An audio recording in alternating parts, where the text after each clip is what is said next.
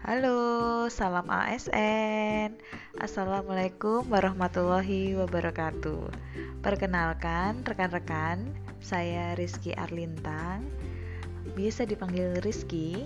Saya seorang penata anestesi, calon ASN di RSUD Dr. Muwardi Solo. Pelatihan dasar angkatan 13 yang dilaksanakan melalui daring atau Zoom dengan peserta kelompok 2 terdiri dari 10 orang. Walau kali ini latar terasa berbeda, namun kami tetap semangat.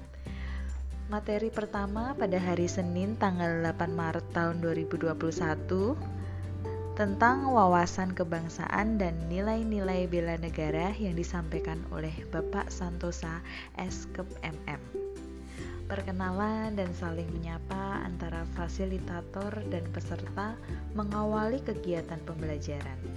Tentunya tak kenal maka tak sayang. Saling sapa dilakukan untuk saling mengenal dan mencairkan suasana selama proses pembelajaran. Selama pembelajaran tidak terasa bosan karena selama penyampaian materi, fasilitator selalu mengajukan pertanyaan dan sanggahan terhadap jawaban kita. Dirasa seperti ini akan mudah untuk menyerap materi yang diberikan dan memahami apa isi materi tersebut. Terima kasih kepada Bapak Santosa SKM MM yang telah menyampaikan materinya.